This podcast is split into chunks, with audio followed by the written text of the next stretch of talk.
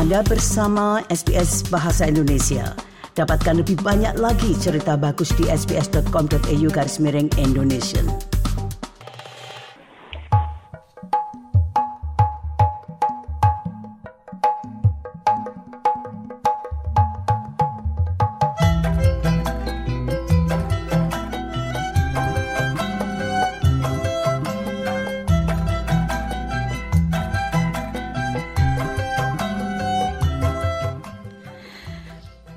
Nah, dari pengalaman pribadi kita mengalih ke topik yang lain.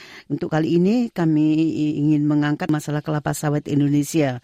Mengapa Indonesia sebagai penghasil minyak sawit itu seolah mendapatkan tantangan lah. Nah, untuk mengetahuinya, marilah kita simak rangkuman Bapak Riki Kusumo berikut ini. Saudara pendengar, para pemimpin Indonesia dan Malaysia telah sepakat untuk meningkatkan kerjasama untuk melawan apa yang mereka sebut tindakan diskriminatif terhadap produk minyak sawit mereka. Negara-negara tersebut adalah dua produsen dan pengekspor minyak sawit terbesar di dunia yang merupakan minyak nabati yang dapat dimakan yang digunakan dalam berbagai macam produk.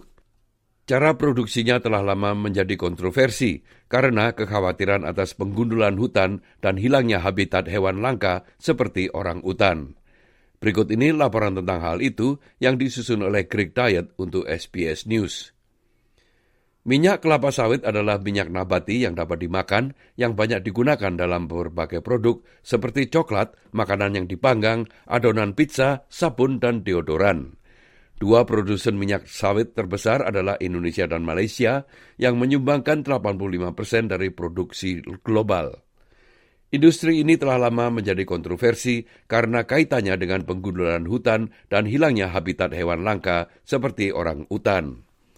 Beberapa perusahaan Australia telah membuang minyak sawit sepenuhnya setelah kampanye oleh kelompok aktivis yang mendorong pembeli untuk tidak membeli produk yang mengandung minyak sawit dan Uni Eropa telah memperkenalkan undang-undang baru yang melarang impor komoditas yang terkait dengan deforestasi, sebuah langkah yang diperkirakan akan melanda Malaysia dan Indonesia.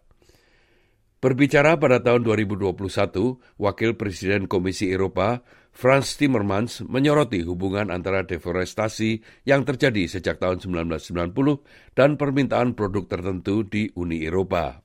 We've lost 420 million hectares of forest. That's an area larger than the European Union. EU demand for commodities like palm oil, soy, wood, beef, cocoa, and coffee are strong drivers of deforestation.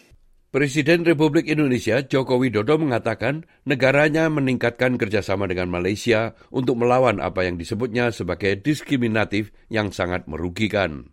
Terkait dengan kolaborasi untuk melawan diskriminasi kelapa sawit dan juga komoditas lainnya.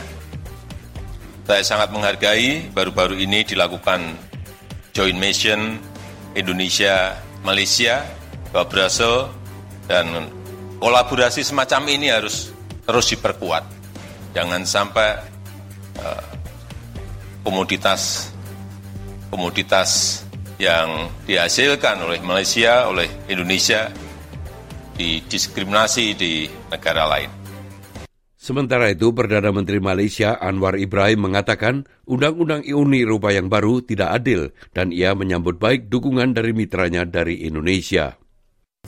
Untuk menjaga dan melihara kepentingan perusahaan dagang kita, pengeluaran kelapa sawit, bukan saja untuk syarikat-syarikat besar, tetapi juga untuk kebun, kebun kecil dan kita sambut dengan baik dan saya ucap tahniah kerana kedua-dua menteri dalam rapat Eropah telah pertama kalinya satu suara Indonesia Malaysia menyuarakan pertahankan kepentingan kelapa sawit. Tahu. Demikian tadi sebuah rangkuman tentang larangan penggunaan minyak kelapa sawit oleh Uni Eropa yang disusun oleh Greg Diet untuk SBS News dan disampaikan oleh Ricky Kusumo. Nah itulah tadi Bapak Ricky Kusumo dengan rangkumannya tentang kelapa sawit Indonesia di mana Indonesia merasa adanya tindakan diskriminatif dari pihak luar itu.